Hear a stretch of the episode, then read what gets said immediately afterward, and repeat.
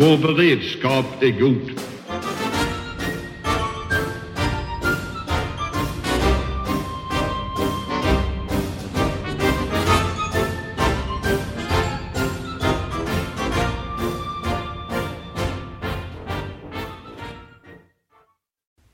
Hej och välkomna till Höjd beredskap, en podd från Aftonbladet Ledare.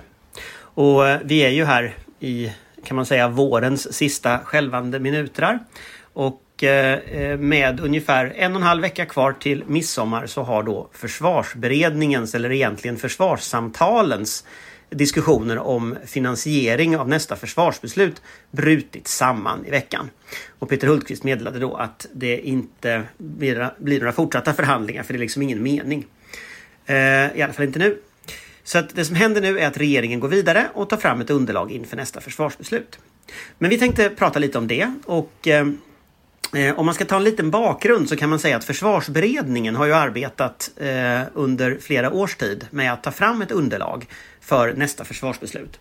Och en försvarsberedning är ju ett samrådsorgan egentligen mellan, det ligger under eh, försvarsdepartementet men i försvarsberedningen så sitter ju de ledande försvarspolitikerna i försvarsutskott och ofta utrikesutskottet. Eh, det här är ju ett beredningsorgan egentligen som ger underlag till regeringen. Men som får in underlag från Försvarsmakten, från experter, från eh, olika myndigheter och tar fram ett förslag. Och det här förslaget kom då i maj 2019 och presenterades av, eh, av Björn von Sydow. Eh, och det var en ganska radikal omgörning av Försvarsmakten man presenterade. Krigsorganisationen skulle utökas från 60 000 man idag till 90 000. Antalet värnpliktiga skulle utökas från 3 000 till 8 000 personer per år som ska utbildas. Och, det här ska då börja gälla 2021 men, men reformen kommer att ta nästan 10 år att genomföra skriver försvarsberedningen. Eh, mot slutet av, av 20-talet mot början av 30-talet. Eh, sen finns det några förslag som är konkreta och som har lyfts fram i debatten. Ett är att man ska eh, starta fyra nya regementen. Det handlar om K4 i, i Arvidsjaur. Det handlar om en ny amfibiebataljon som ska sättas upp i Göteborg. Och sen är det en del diskussion om var de andra två ska vara. Eh, det försvarsberedningen nämner är Falun, eh, Härnösand, Sollefteå och Östersund. Och vi kan ju kanske komma tillbaka till lite spekulationer kring vilken av dem det blir. Man vill också utöka antal ubåtar från fyra till fem. Eh, man vill göra det möjligt för en brigad, det är alltså ungefär 5000 soldater, att eh, vara i Finland vid kris, krigsfara eller krig. Och det är en ganska stor förändring för svensk politik att man skulle kunna verka militärt inne i Finland. Man vill också eh, uppgradera samtliga stridsvagnar, stridsfordon och också uppdatera de Visbykorvetter som Sverige har, alltså de de ytstridsfartyg som vi har. Det var väl en kort sammanfattning. Det finns ganska mycket mer i den här försvarsberedningen. Men, men efter att försvarsberedningen presenterade detta i maj 2019 så har det pågått en väldigt infekterad diskussion om finansieringen. Och det är alltså den som i veckan eh, gick kan man säga mot sitt, sitt eh, Waterloo. Eh, Amanda, vad var det som hände lite mer? Kan du fylla i? Ja, och det ska man säga att, att det här har ju som sagt varit infekterat länge och redan innan försvarsberedningens eh, resultat slutgiltigen eh, presenterades, eh, den här eh, väldigt genomtänkta eh, och välarbetade rapporten, så splittrades ju gruppen över oenighet om hur det skulle finansieras. Där då eh, oppositionen framförallt menade att man, eh, och även Centern och Liberalerna som väl får räknas som opposition i försvarsfrågan i alla fall, menade att i två år har man diskuterat med utgångspunkt i en viss eh, budget. Och eh, när resultatet som ska presenteras och så småningom börja implementeras så vägrar Socialdemokraterna att, och Miljöpartiet, regeringen, att eh, prata pengar, att avsätta pengar till det här. Och sen så var det ju en hel del stök med att det blev den eh, Moderaterna och KDs budget som genomröstades genom i riksdagen. Det tillkom lite pengar där. Det blev en väldig diskussion om huruvida de där pengarna skulle börja användas direkt för att uppfylla tidigare försvarsbeslut, vilket Försvarsmakten menade. Eller om det var pengar som skulle räknas in i det framtida tillskottet, vilket åtminstone delar av försvarsberedningen eh, menade. Och då har man återgått till diskussionsbordet och försöka reda ut eh, dels var de här pengarna tog vägen, vad det var tänkt att de skulle ta vägen och vart man skulle gå vidare från detta och hur det faktiskt skulle finansieras. Och nu var det i onsdags, torsdags så kollapsade Patrik. Tisdags. Tisdags. Tisdags man blir helt dagvill av att sitta hemma och jobba. Eh, så kom eh, försvarsminister Hultqvist med ett så kallat nollbud, det vill säga att man kunde inte garantera några pengar innan 2025 och man kunde inte garantera några pengar efter 2025.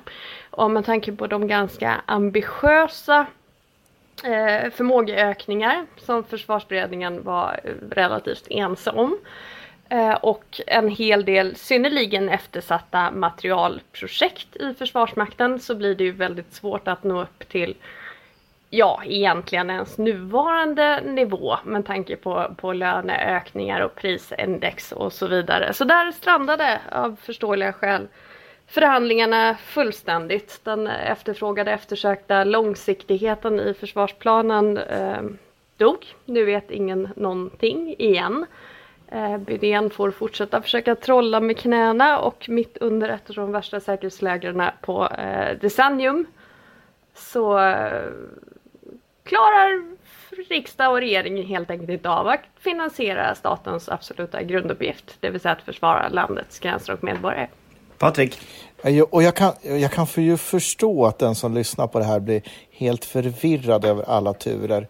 Alltså misströsta inte, det här är ett väldigt, väldigt komplicerat område när man pratar försvarsekonomi. Jag brukar säga så här att det är som att kliva in i ett rum med rök och speglar eh, när summor, turer och annat far fram och tillbaka i, i diskussionen och siffror och fram och tillbaka.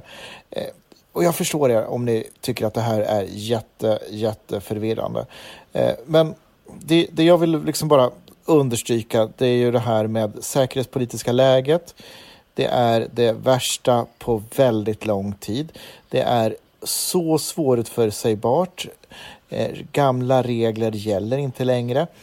Eh, och det gör att vi vet väldigt lite om hur vår tid kommer att utveckla sig. Vi har Ryssland och Kina som flyttar fram positionerna, som vill riva om och rita om världsordningen. Vi har ett USA som drar sig inåt.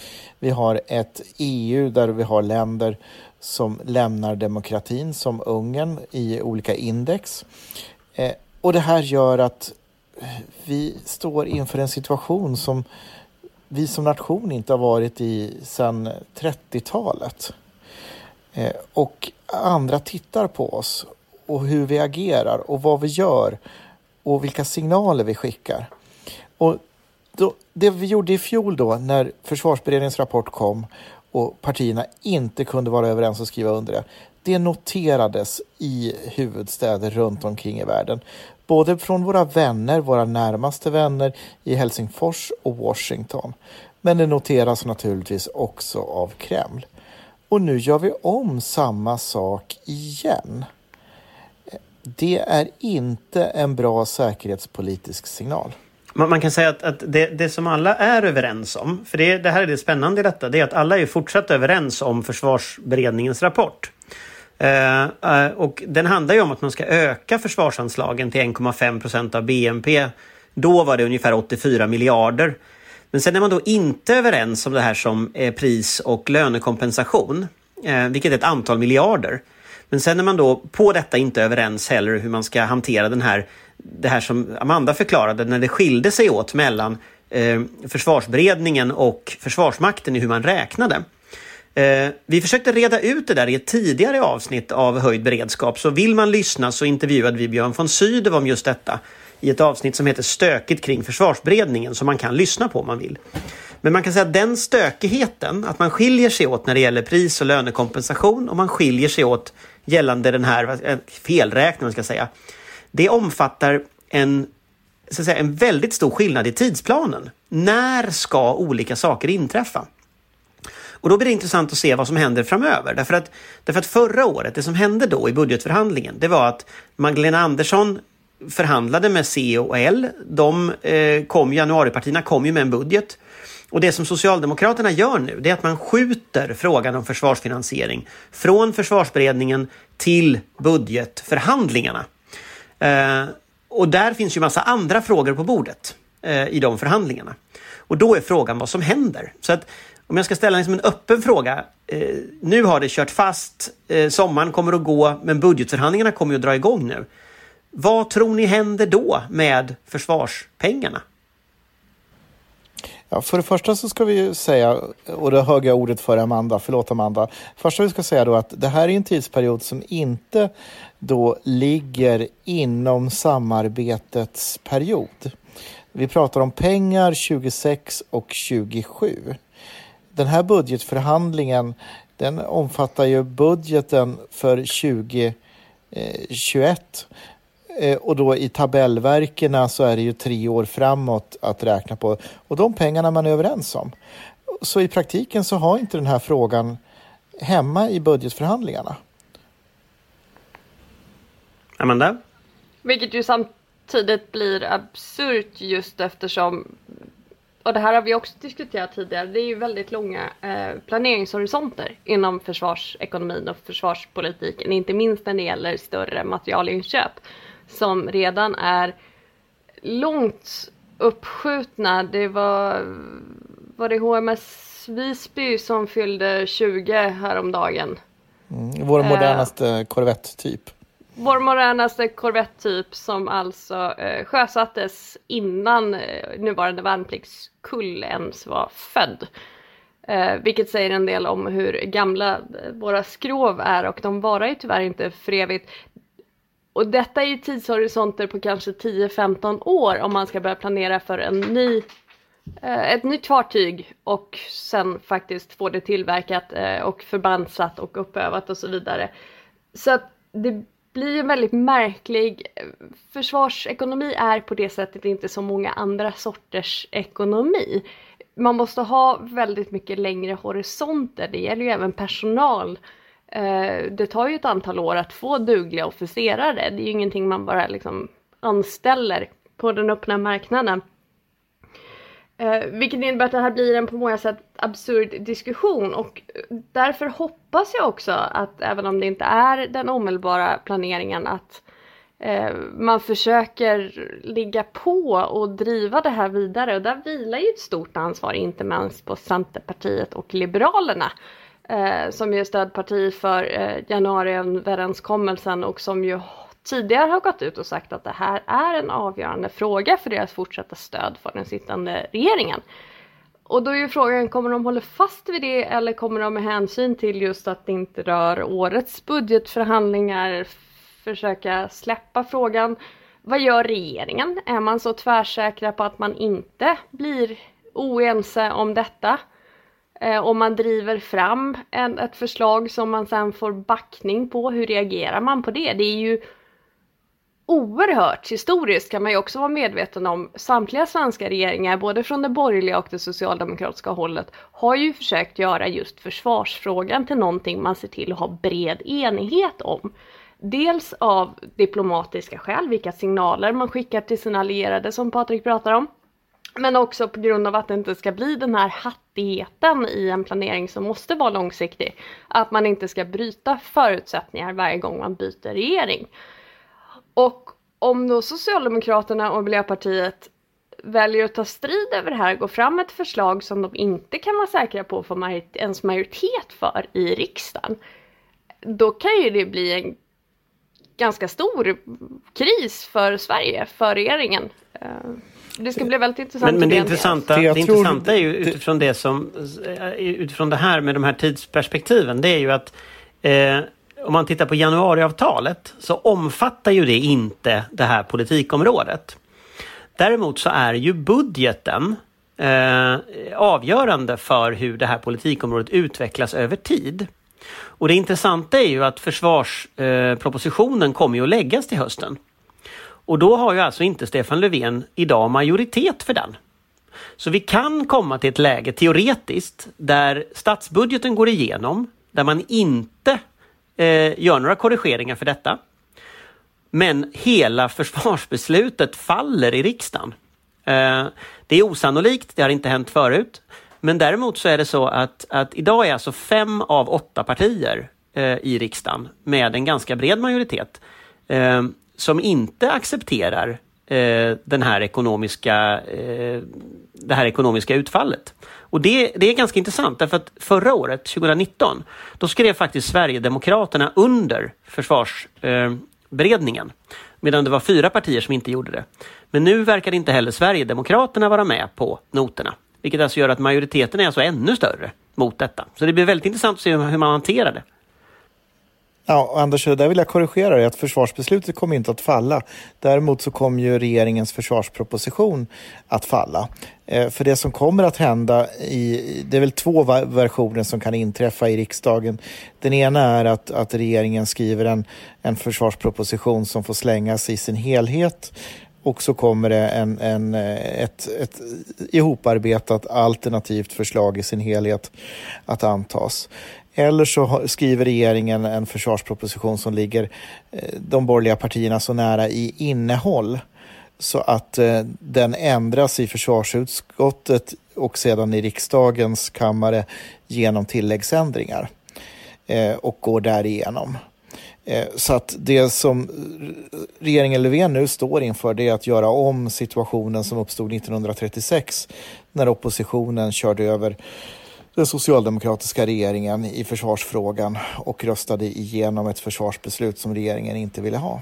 Fast det tror jag som sagt, som jag sa, jag tror att det är osäkert att, eh, att försvarsbeslutet faller. Eh, och propositionen kommer ju, på något sätt så kommer vi att få en ny inriktning av försvaret, så är det ju.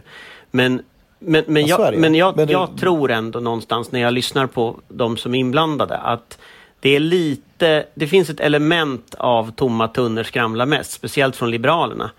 Eh, därför att de, de kommer liksom inte riktigt med eh, några alternativa förslag i egentlig mening.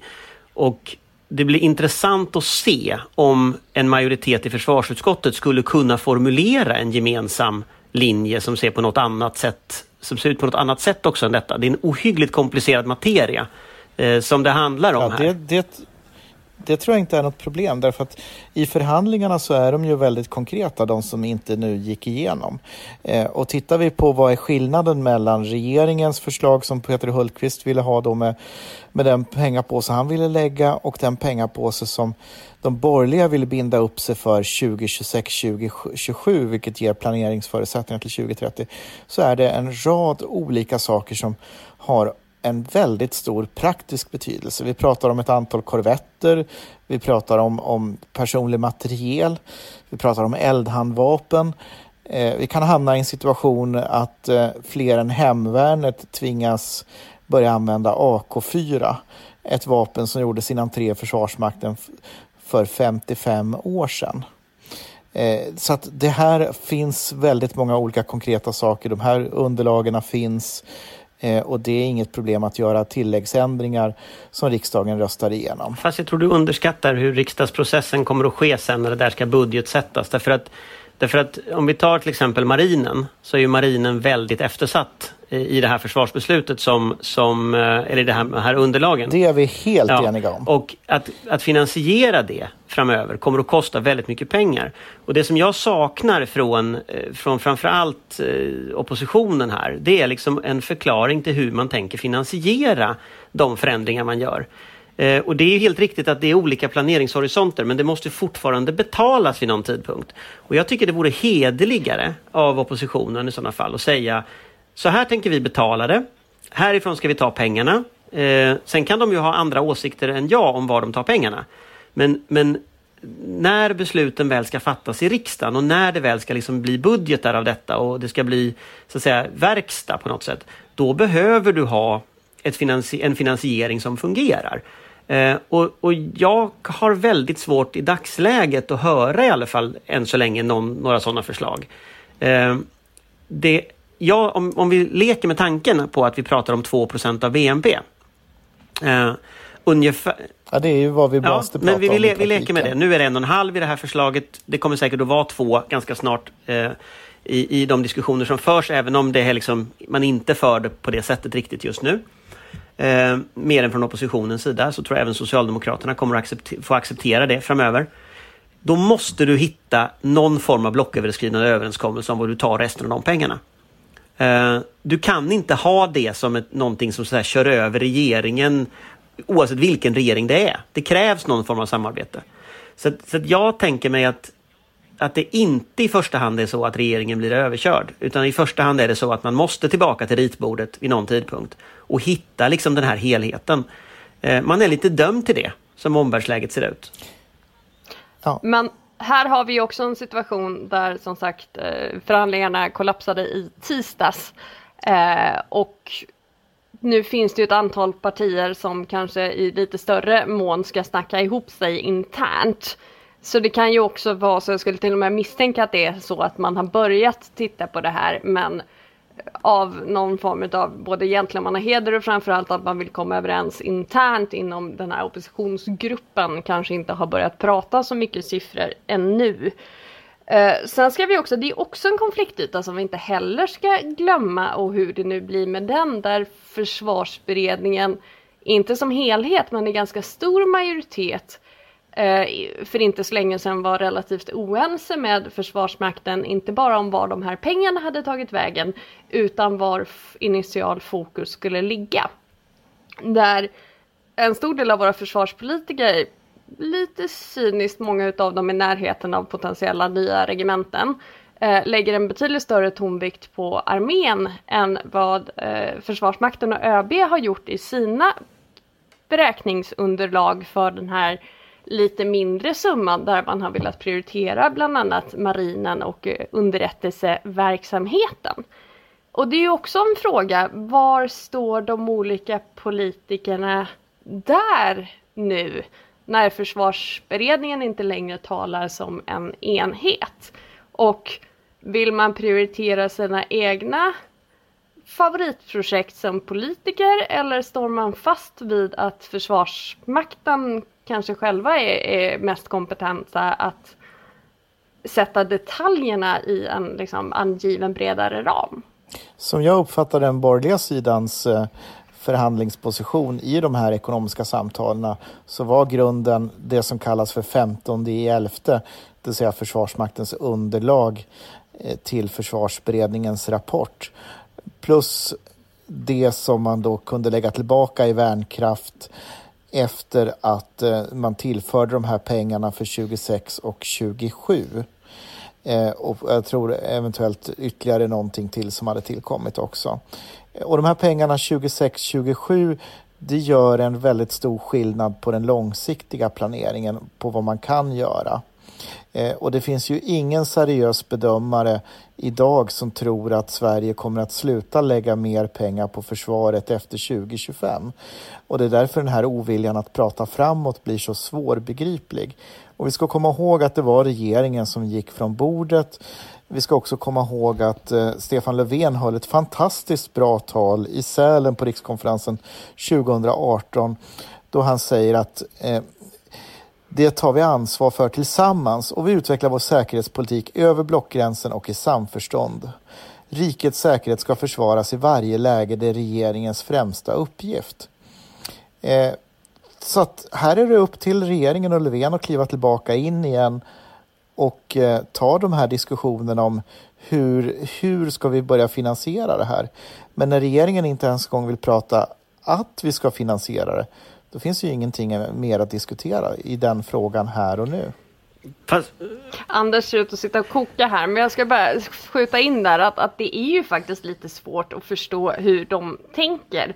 Eh, och att man har i, i det här säkerhetsläget och den här utvecklingen har en återgång till det här. Och det är ju för all del inte bara Socialdemokraterna som gjort sig skyldiga till det historiskt. Att man återgår till att, att hänskjuta försvarspolitiken till Finansdepartementet. Eh, I ett läge som bara blir allt osäkrare så visar man ändå ett så monumentalt ointresse för vår säkerhetspolitiska framtid. Jag måste säga att jag har lite svårt att förstå det. Nej, jag, jag kokar inte, men, men jag tycker... Millions of people have lost weight with personalized plans from Noom. Like Evan, who can't stand salads and still lost 50 pounds. Salads generally for most people are the easy button, right? For me, that wasn't an option. I never really was a salad guy. That's just not who I am. But Noom worked for me. Get your personalized plan today at Noom.com. Real Noom user compensated to provide their story. In four weeks, the typical Noom user can expect to lose one to two pounds per week. Individual results may vary. Jag tycker Patrik förenklar lite därför att det är en, en, en eh, dels har det att göra med de inre spänningarna i regeringen, så är det ju. Eh, det är ju ett, ett, problem som både borgerliga regeringar och socialdemokratiska alltid har, att Finansdepartementet, eh, axeln Finansdepartementet, statsrådsberedningen, har ju en, en, en ganska stor detaljinsyn eller detaljpåverkan på saker som, som kanske fackdepartementen skulle skött bättre. Eh, när det gäller försvarspolitiken så är, det ju, så är det ju så. Däremot så skulle jag nog hävda att Peter Hultqvist är starkare i relation både till finansdepartement och statsrådsberedning än vad eh, den borgerliga regeringens finansdepartement och än den relation borgerliga regeringen och finansdepartement och försvarsdepartement hade. Eh, det är ju inte Nej, jag vet att det inte är Men jag skulle ändå hävda, jag vill ändå, jag vill ändå eh, säga att den dynamiken är lite annorlunda idag än när Anders Borg var finansminister. Eh, sen är det så, eh, tror jag, att om det här lagarbetet ska fungera så är inte eh, försvarsberedningen en beställarorganisation. Utan försvarsberedningen är också ett organ för att tillsammans hitta lösningar som ligger kanske utanför de olika partiernas egna områden. Eh, där alla måste kompromissa. Och det intressanta att se är att om man läser försvarsberedningens rapport så är tyngdpunkten Socialdemokraterna och eh, de gamla allianspartierna egentligen. Det är där man har kompromissat och hittat liksom en analys, hittat gemensamma lösningar, kompromissat ganska långt eh, kan man säga. Eh, men också gjort en gemensamt väldigt radikal analys av en uppbyggnad av försvaret. Läser man vad Miljöpartiet, eh, Vänsterpartiet säger så är det ju mer av civilt, det är, det är långsammare tempo, det är mer pengar till annat egentligen. Och Sverigedemokraterna har något eget litet universum som de har upprättat. Eh, det finns ju i den konstellationen, Socialdemokrater och de borgerliga partierna, så finns det ju naturligtvis en möjlighet att gå vidare här. Men jag tror inte att den är så enkel som att de borgerliga partierna kan säga det här är de pengarna vi vill ha, det här är den, det utfall vi vill ha och sen så ska regeringen leverera det. Utan jag tror att det är just att försöka hitta en finansiering som är långsiktig för högre försvarskostnader. Vi har lanserat från Aftonbladets ledarsida förslaget om en värnskatt till exempel. Att eh, leka med idén om att faktiskt koppla försvarsutgifter till, till att beskatta till exempel fastigheter, beskatta till exempel kapital. Eh, det finns säkert andra förslag på bordet hur man ska finansiera detta. Men, men om man liksom lyssnar på debatten så är det väldigt många som, så är det väldigt få sådana förslag som kommer. Istället så verkar det vara helt låst eh, i dagsläget. Och jag tänker mig att den som vill föreslå en, en försvarsreform av den här typen som ska gälla kanske 10, 20, 30, 40 år och sätta liksom dagordningen. Den måste också ha det här perspektivet med. Och jag saknar det i debatten. Och det är inte så att jag kokar över detta, Nej. så, men, men, men jag tycker det är en viktig komponent att lägga med i det här. Låt mig bara påminna om att vi eh, en gång i tiden med ungefär samma skattetryck vi har idag la i förhållande till BNP eh, tre gånger så mycket pengar. Så politik är att välja och vilja eh, också. Men jag har ingenting emot att vi pratar pengar. Men här är en utmaning till dig Anders. Det är ju ingen Almedalsvecka, men kan inte Aftonbladet fixa en, en sommardebatt med de ekonomisk-politiska talespersonerna där de får debattera säkerhetspolitik, försvarspolitik och finansiering. intressant idé. Jag vet inte om, om, om vi klarar det just nu, men det var en intressant idé. Ja, du får sälja men, in det på, till redaktionen. Ja, på Facebook. Men alltså kompromiss, kompromissviljan i själva försvarsberedningens arbete har ju uppenbarligen varit alldeles utmärkt. Men var är kompromissviljan i att lägga en nollbudgetförslag framöver? det kan ju inte bara vara upp till oppositionen att faktiskt prata pengar. Och vill man då inte finansiera den här ökningen man faktiskt är överens om och som alla inser behöver till, då är man väl lika mycket svar skyldig att förklara hur man har tänkt sig att den utvecklingen ska se ut och hur Sveriges gränser ska kunna säkras. Likadant så blir det ju absurt, nu kommer vi ju naturligtvis aldrig vara överens i skattefrågan. Men det är ju ändå en fullständig orimlighet att vi har ett av världens högsta skattetryck och inte klarar av statens absoluta grunduppgift. Även där är väl regeringen svaret skyldig. Varför är allting förutom försvaret prioriterat med den ändå ganska stora pengapåsen man har att fördela? Det kan ju inte bara vara oppositionen som ska förklara hur, hur försvaret ska finansieras, ja, ärligt och, talat. Och, och vore jag socialdemokrat så skulle jag kunna argumentera för den här upprustningen eh, som vi behöver göra av säkerhetspolitiska skäl, men av ekonomiska skäl eh, med, med Keynes som, som modell och säga att vi måste tidigare lägg, lägga de här sakerna för att få fart på industrin och anställa folk och så vidare. Det här är en satsning även i ekonomiska termer. Men nu är jag inte socialdemokrat så jag säger inte det. Nej. Och jag kan ju också tycka att vi kanske ska låta vissa begravda hundar vila, det vill säga försvarspolitiken som primärt industri eller sysselsättningspolitik och eh, faktiskt låta Försvarsmaktens behov styra. Jag, jag har inget emot det Patrik sa nu med att och, och, och, eh, ta, ta, samarbeta med försvarsindustrin för det där, det tror jag är bra. Men, men jag, jag, ändå, jag vill bita mig kvar lite i det där med pengarna. För, att, för det är ändå så att tittar vi på hur, hur eh, finansieringen ser ut i dagsläget av försvaret så så har man använt försvaret som en budgetregulator av i princip alla regeringar eh, de senaste åren, möjligen med undantag av denna just nu eftersom vi är liksom i en sån akut upprustningsfas. Men tittar vi på, på regeringen Persson, tittar vi på regeringen Reinfeldt eh, så, så var det en, en ganska massiv neddragning under väldigt, väldigt lång tid.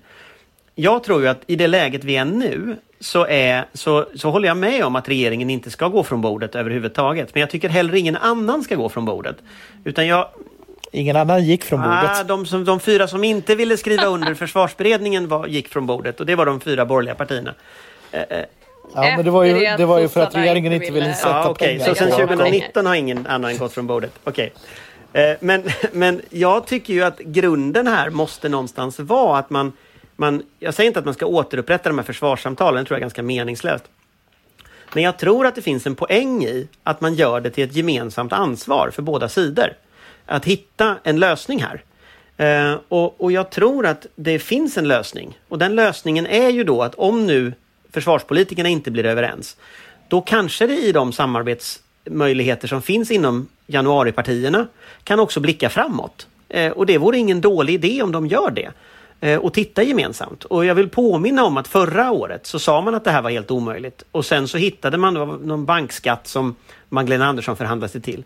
Det är klart att det kommer att finnas den typen av idéer som skulle kunna uppstå om man sätter sig ner och samarbetar. Men det bygger på att man hänger av Moderaterna och KD. Det bygger på att man, man liksom försöker hitta en gemensam struktur mellan S, C, L och MP. Och jag, menar, jag tror inte att det är omöjligt om man försöker. Ja, du beskriver ju där den socialdemokratiska strategin, Anders. Ja, men det är klart jag gör. Det är det, jag, jag, jag försöker ju skriva ja. om den och förklara vad det är för strategi. Eh, och då, måste, och då, kan man ju, då kan ju C och L fundera på, är det viktigare att hänga ihop med M och KD i det här fallet? Eller är det viktigare att försöka hitta en, en, en överenskommelse om försvarsekonomin? Och då, då, blir, man, då blir ju så att säga, det blir ju den strategiska frågan här. Att, att eh, jag tror säkert att S skulle vara, ha med Moderaterna och KD om man vill. Det tror jag säkert. Men det är klart den strategiska ja. frågan för C och L, det blir ju liksom vad är man beredd att, att pitcha in i det där? Anders Men det har man ju gjort. Det är ju Socialdemokraterna, Hultqvist, som har lagt ett nollförslag. Det är ju S som inte vill förhandla. Och hur mycket av en bred överenskommelse och, och liksom visa enighet och, och erbjuda långsiktighet blir det om man hänger av Moderaterna och KD. Det är ju liksom inga småpartier vi talar om här. KD är rätt litet. Nej, sen, sen, Ja. Sen, sen, sen, Anders är det ju som så att du har ju en Det är väldigt... MP också å andra sidan. Ja, du har en väldigt skönmålning av, av eh, förhandlingarna i fjol mellan eh, januariöverenskommelsens partier. Eh, och därför att, att det blev någonting i slutändan, det var ju helt enkelt för att eh, regeringen eh, kunde liksom inte få Centern och Liberalerna att vika ner på det där målet. Eh, Nej, det var väldigt bra. Det var väldigt tuffa ja, nej, förhandlingar. Det var väldigt bra av COL. Och, och, men sen när det gäller framtiden, ska vi ha ett stabilt hållbart försvar med Stefan Löfvens ord tillsammans över blockgränsen? Det är klart att du måste ha ett, en försvarsuppgörelse där Moderaterna ingår och där Socialdemokraterna ingår. Eh, att, att taktisera och tro att man ska kunna då driva bort M och KD och, och då tänka sig att man splittrar borgerligheten för att sen då tro att man ska komma i ett bättre läge för en regeringsbildning 2022 med COL. Det är ju så feltänkt så att, att jag blir alldeles matt. Det är ju snarare tvärtom. Eh, om man når en bred överenskommelse om det här, man är överens om statens grundläggande ansvar, det vill säga försvaret, brett, ja, det, då möjligtvis kan du bädda för en, en sån regering som en del inom S verkar drömma om 2022. Men inte på det här sättet. Fast det, det är nog faktiskt så att de flesta uppfattar nog att borgerligheten redan är splittrad. Eh, ja, men inte, inte i den här, den här frågan. Men, eh, men... Eh, och det kommer den inte bli heller. Men, nej, jag förstår precis vad du säger. Eh, och jag håller med dig i stort sett också. Men, men jag vill ändå problematisera lite den här bilden som har blivit av, av av den gångna veckan. Därför att, därför att det här har varit försvarspolitik.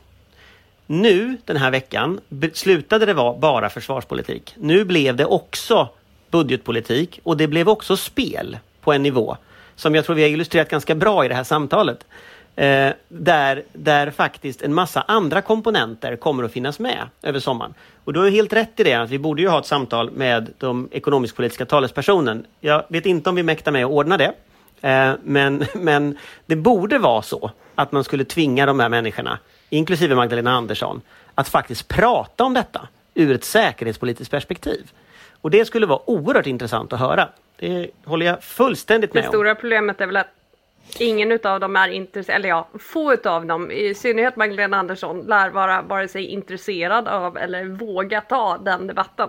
Och det är väl kanske pudens kärna i den här frågan. Och vi, att finansministern och regeringen som helhet är så oansvarig i en så grundläggande fråga. Och för all del en hel del av de andra ekonomisk-politiska talespersonerna också. Men ansvaret vilar ju tungt på den sittande regeringen. Och svensk politik måste nu förstå att vi är inte i ett vanligt läge. Vi är inte på 00-talet eller 10-talets kvartalspolitik baserade spinn, förhandlingar, positionering hit och dit. Det här är inte en tid för politik i den bemärkelsen. Det här är en tid för statsmannaskap. Eh, att agera ansvarsfullt i orolig tid. Eh, så lägg ner taktiserande eh, spinn och, och, att Finansdepartementet ska tälja segerskalper på sitt bälte på bekostnad av grundläggande säkerhet för riket. Jag efterlyser ansvar, jag efterlyser statsmannaskap. Det kändes som att det där får vara nästan sista orden. Det var så dramatiskt. Vi efterlyser lite statsmannaskap eh, och så får vi tacka för oss. Jag hoppas att eh, Eh, Eh, det ger en liten inblick i hur det kan låta lite framöver och så får vi se vad som händer helt enkelt här. Det är i alla fall en ganska stor händelse att eh, regeringspartierna, eller regeringspartierna och oppositionen är nu, har nu inte längre förhandlingar om försvarsekonomin. Och vi vet helt enkelt inte riktigt vad som händer. Det är ju på många sätt en historisk tid faktiskt. Inte bara på grund av säkerhetsläget utan också på grund av den här oenigheten i en så grundläggande fråga. Och det är nog bra om partierna och representanterna också faktiskt kommer ihåg det. Det här är kanske inte det man vill gå till historien för så småningom. Gud bevare Sverige. ja, tack för oss. Amen. Och då kommer vi övergå till en krönika. Det där Anders blev det mest eh, livfulla samtal vi har haft. Vår beredskap är god. Jag vet inte om du har sett filmen Kungens val som handlar om kung Håkon den sjunde i Norge vid tiden för Tysklands angrepp på Norge den 9 april 1940. Kung Håkon får använda sin symboliska makt och hota med att abdikera för att tvinga regeringen att inte acceptera Vidkun Quisling som regeringschef eftersom han inte hade ett stöd i Nor bland Norges folk. Översten Bo Hugmark brukar ofta behandla Tysklands angrepp på Danmark och Norge den här dagen som ett sätt att illustrera begreppet överraskning. Han går igenom överraskningens anatomi, dess olika beståndsdelar, när det, att det kan vara överraskande när saker händer, var det händer och hur det händer. Men att den viktigaste dimensionen är att det händer. Jag åt lunch förra veckan med Anders Brännström, den gamla arméchefen.